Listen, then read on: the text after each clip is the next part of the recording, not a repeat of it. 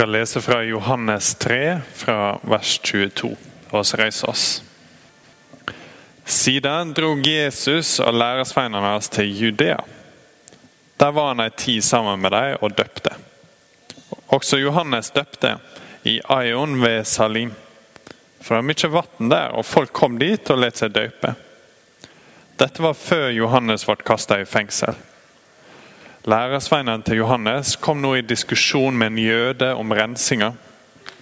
De gikk til Johannes og sa til han, Rabbi, den mannen som var sammen med deg på andre sida av Jordan, han som du vitner om, nå døyper han, og alle går til han. Johannes svarer, et menneske kan ikke få noe uten at det blir gjeve ham fra himmelen. Det er sjøl mine vitner på at jeg sa jeg er ikke Messias, men jeg er sendt før han. Den som har brura, er brudgom. Men vennen hans, som står og hører på, han gleder seg stort når han hører røsta til brudgommen. Slik glede har jeg nå fått, og det i fullt mål. Han skal vokse, jeg skal minke. Den som kommer ovenfra, er over alle. Den som kommer fra jorda, er av jorda og taler jordisk. Han som kommer fra himmelen, er over alle.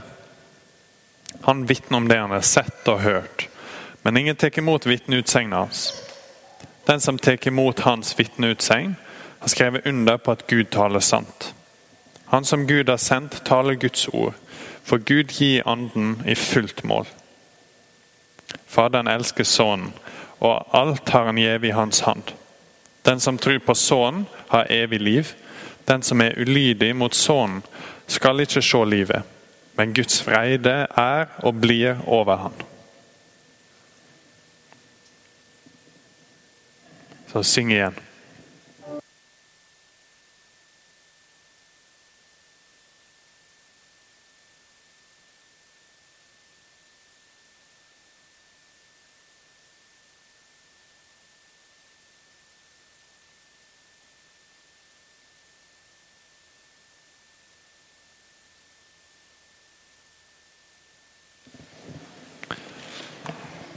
Som sagt så fortsetter oss i Johannes, og her har vi kommet til Johannes døperen. Så ikke Johannes apostelen som har skrevet boka, men døperen.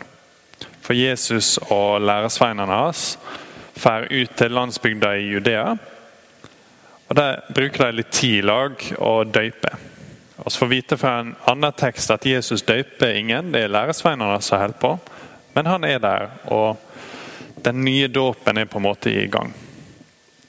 For det går kanskje an å huske det Johannes har sagt, at jeg døper med vann, men det skal komme en som skal døpe med Den hellige ande. Litt flåsete så kan du si at Johannes sier egentlig ikke noe annet om sin dåp enn at han kan gjøre folk våte. De kan komme til han, og så kan han dyppe dem i elv. Og så kan de tenke på at ok, en dag så kommer Messias, og da må vi være klar. Vi må vende om fra våre synder og være klar til han kommer. Når Jesus døyper her nå, så er det den virkelige greia. Han døyper med Den hellige ande. Så i denne dåpen her så er det ikke bare at de blir våt, men her kan de komme til tro på han og få liv. Og Så kommer vi til selve greia i teksten. da. For tenk litt på det. Johannes har vært den store, egentlig. Den store nyheten. Og på det religiøse og kulturelle området så er Johannes vært en ganske stor greie. Eh, I det ene evangeliet så står det at det føltes som om hele verden gikk ut til ham eh, for å høre på han og se på han. Så han har vært en ganske, ja, ganske stor og viktig mann. Fortsatt i dag så er det veldig mange som kan navnet hans. Så da kommer læresveinene hans, de som går rundt og lærer av eh, Johannes. Og snakka sist uke om at en rabbi har vanligvis folk som følger han. Sånn som også er vant med med Jesus, som har sine tolv læresveiner. Samme måte så hadde Nikodemus sist uke med seg noen som følger etter han.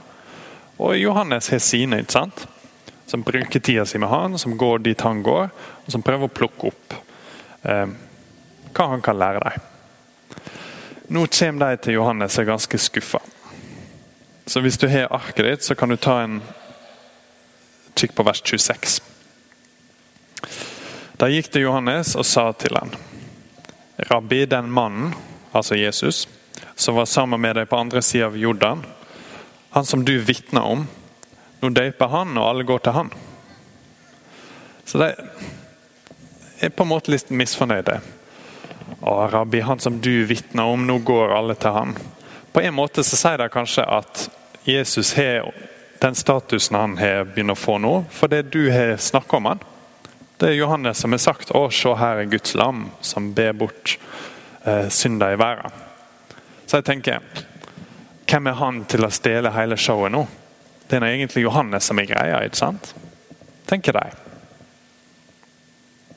Så sier Johannes, vers 27, et menneske kan ikke få noe uten at det gjev ham fra himmelen. Det er selve mine vitner på at jeg sa. Jeg er ikke Messias, men jeg er sendt før han. Så Johannes tenker helt annerledes enn deg.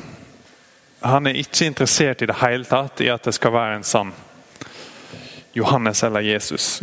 Hvem er den store? Hvem skal vi følge, og hvem skal vi tenke på? Han sier rett fram, og han brente det litt inn i sant? Det er sjøl mine vitner viktig, dette må dere huske på. Jeg er ikke Messias. Men jeg er sendt før ham. Så Johannes var sendt for å lage klar veien, for å åpne dør for Jesus. Og det har han gjort. Og En plass i Bibelen så sier Jesus at ingen, er, ingen som er født av kvinne, er større enn Johannes. Så I på en måte den vanlige rangeringa av hvem er de store profetene og hvem er de store lærerne fra Gud som han er sendt opp gjennom tidene, så rangerer Jesus Johannes som den største. Så her er en som er som vi virkelig bør se opp til. Her er en som virkelig har peiling. Og hva sier han om seg sjøl? Jeg er ikke Messias. Han er ikke interessert i det hele tatt i en konkurranse med Jesus. Og Her er egentlig den første tingen oss kan lære i dag. For oss som ikke er som Johannes, kan ofte være ganske interessert i å være Messias. Tenk på det på denne måten. Du eh, har hatt ei god uke. Du føler at du er en god person om dagen, og ting går ca. som planlagt. Og da tenker du Nå er sikkert Gud glad i meg. Se hvor bra det går. Sola skinner i sykkelen, og sola skinner inni meg. Hmm. Jeg tror dette er et tegn på at Gud er glad i meg. Det er en måte at oss kan bli vår egen Messias på. Det vi har sagt da, uten å kanskje si det rett fram til oss sjøl, er at vi trenger egentlig ikke noen som må komme og redde oss og frelse oss. Ting går fint, vi kan fikse det sjøl. Eller kanskje lettere å være klar over den motsatte enden. Det er tåke i sykkelvind. Det er tåke inni deg. Jeg tenker åh, hvordan kan noen være glad i meg? Hvordan kan Gud nok en gang se til en som meg og tenke at han vil jeg ha noe med å gjøre? den faren er også like stor. Både i overmotet og i en sånn bunnløs håpløshet så ligger det egentlig at vi prøver å frelse oss sjøl og være vår egen Messias. Johannes sier at det er en veldig veldig, veldig dårlig idé. Og så snakker han litt om Jesus. Eller Først så snakker han litt om seg sjøl som eh, forlover, på en måte, som står og gleder seg til at brudgommen skal komme, og til at bruda skal komme, og at det skal bli et bryllup. Så han snakker om seg sjøl som en som er litt på sidelinja, men med en viktig rolle. Og Så kommer vi til vers 31 til slutten. Her er de som er bibelkommentatorer litt usikre på hvem det er som snakker. Sannsynligvis er det kanskje Johannes apostelen som skriver boka, som legger til en liten sånn kommentar. Kanskje det samme skjer tidligere kapittelet også. At han på en måte oppsummerer litt.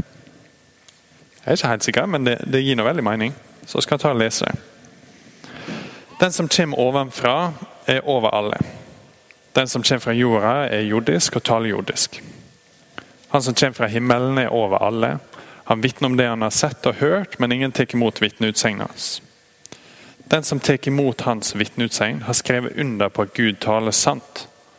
Han som Gud har sendt, taler Guds ord, for Gud gir anden i fullt mål. Faderen elsker Sønnen, og alt han gir i hans hand.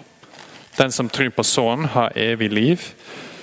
Den som er ulydig mot Sønnen, skal ikke se livet, men Guds vreide er og blir over ham. Ganske langt stykke, ikke sant? Jeg føler meg ganske sikker på at noen av dere hørte bare det siste verset. For der står et av ordene som er kanskje minst populære i Bibelen. Ta en kikk til. Men Guds vreide er og blir over den som, som ikke tar imot sånn. Guds vrede Vi bruker egentlig ikke det ordet så masse, og snakker kanskje om sinne. Og vrede er vel et ord vi bare bruker om Gud. Men her er det snakk om Guds rettferdige og gode sinne mot det som er vondt. Og Det er kanskje på lista over upopulære temaer i Bibelen, så er det kanskje ganske høyt oppe. Det er et stort problem. For hvis vi er alvorlige om at vi vil ha en relasjon til Gud, så Det er to ting vi må tenke på når vi møter ting i Bibelen som vi ikke liker. Det ene er vil oss faktisk ha en relasjon til den faktiske Gud? Eller vil oss ha en relasjon til en ønskegud som hadde passa fint i Norge i dag? Og Den andre tingen er hva betyr det egentlig å være god? Så Den første er kanskje enklere, så skal vi ta den først. Eh, forfatteren C.S. Lewis, som jeg er veldig glad i, han har skrevet Narnia-bøkene bl.a., snakker masse om at en stor fare for oss alle er at vi går glipp av hverandre og i stedet bare får et bilde av hverandre. Så si at uh, du er gift og har en ektefelle.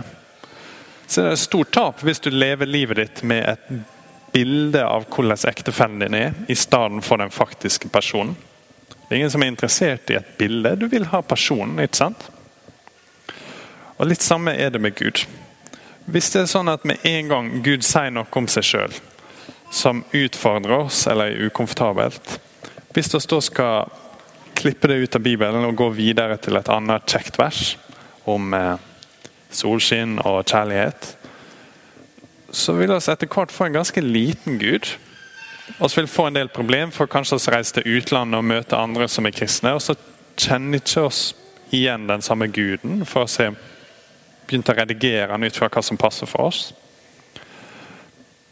Mange sånne problemer. Så er egentlig interessert i den faktiske Gud. Og som vet at han er god, for Jesus døde for oss på korset. Så vi trenger ikke å være bekymra med en gang noe virker litt uvant. Men så er det den andre tingen. Hva betyr det egentlig å være god? Tenk deg at eh, du passer på en unge, eh, og du går langs et eh, ja, du går langs gangfeltet. Så kommer det en annen unge og skubber din unge ut i veien. Hva er din reaksjon da når du etterpå skal snakke med denne ungen om hva som har skjedd? Har du da en sånn 'Å, snille venn, det var trist at dette hendte'. Kanskje du bør prøve å tenke på at kanskje dette ikke muligens var en god ting å gjøre. Hvis det er din reaksjon, så er kanskje det ganske dumt. Den naturlige reaksjonen er å bli skikkelig sint. Du må selvsagt ikke bli sint på en dårlig måte, men sinne i den situasjonen kan unngå at noen dør. Hvis dette skal være den nye hobbyen til den ungen, så kommer trafikkulykken til å skyte i tak. ikke sant?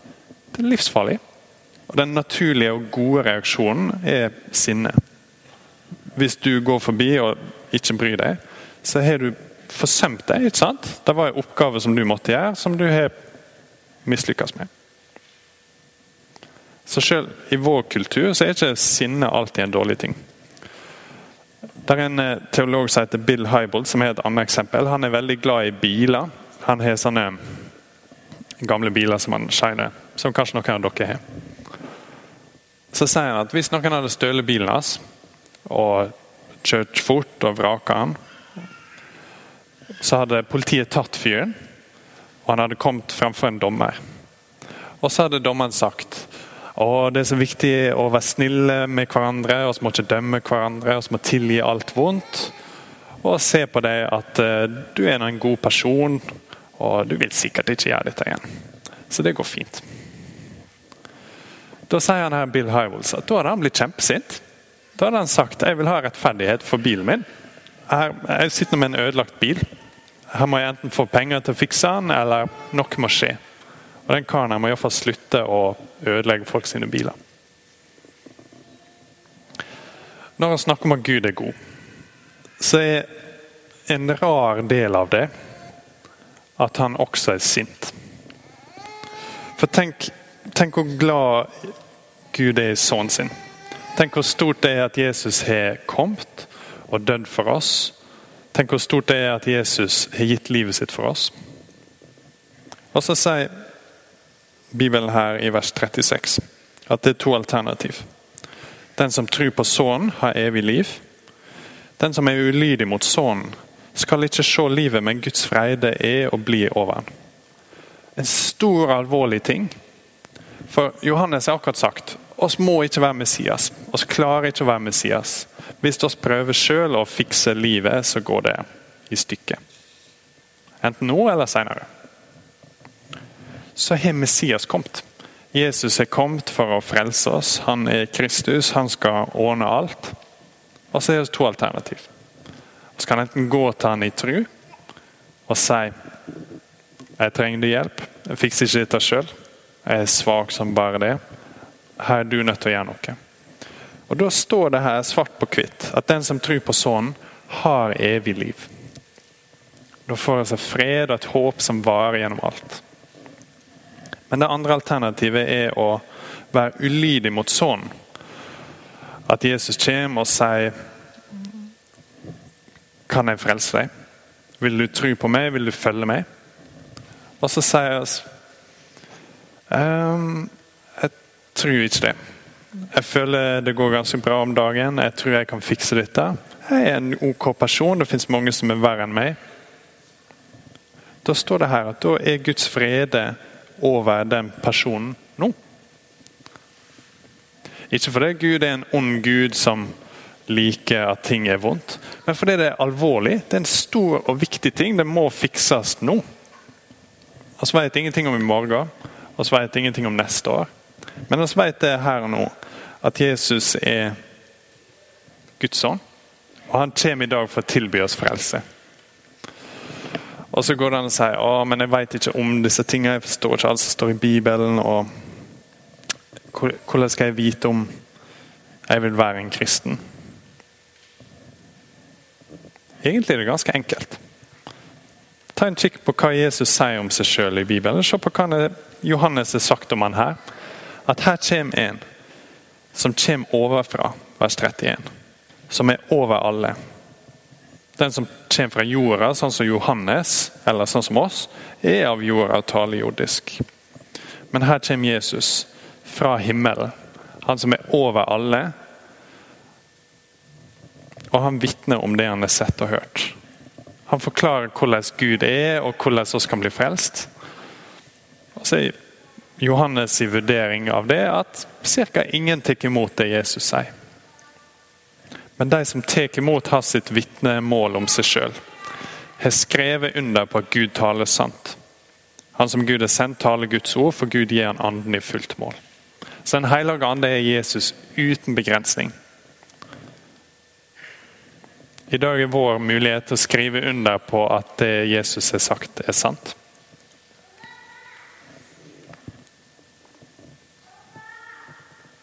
Så Dette kan høres ut som en kjip ting. Egentlig så er det en gledens dag og en stor mulighet. Det kan være at du er kristen, at du tenker det å være med en eh, egen Messias er en dårlig idé, men det er vanskelig. Kanskje det er fristende av og til å tenke denne veka går det bra, for jeg føler meg bra. Da er det din mulighet i dag til å gå til Jesus og si ærlig talt det du sier er sant. Jeg trenger deg, jeg må følge deg. La din død frelse meg. Kanskje litt midt imellom. Kanskje det sånn mm, Jeg tror jeg var kristen i 1967 iallfall. Nå er jeg litt usikker. Hvis det er deg, så gå til Jesus hver dag. Han stiller ikke nye krav.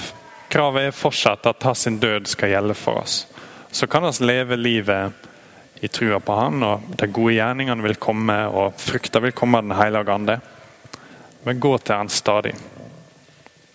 Og Kanskje er du helt sikker på at dette er ikke meg. Hva snakker han unge karen i hvit kjole om? Hva, hva er den greia her? Hvis det er deg, så ikke gi opp bare fordi en søndag morgen så var dette ikke så veldig imponerende. Det er sjukt viktig. Dette er det viktigste vi kan snakke om. Det er masse folk i dette rommet som kan disse tingene inn og ut, og som kjenner Jesus. Så gå og snakk med dem. Finn litt ut om dette er noe for deg. Og du er veldig velkommen hit. Så la oss be i lag nå. Kjære gode Gud. Hjelp oss ikke å være våre egne Messiaser. Hjelp oss å gå til Jesus og finne frelsa vår i Han. Amen.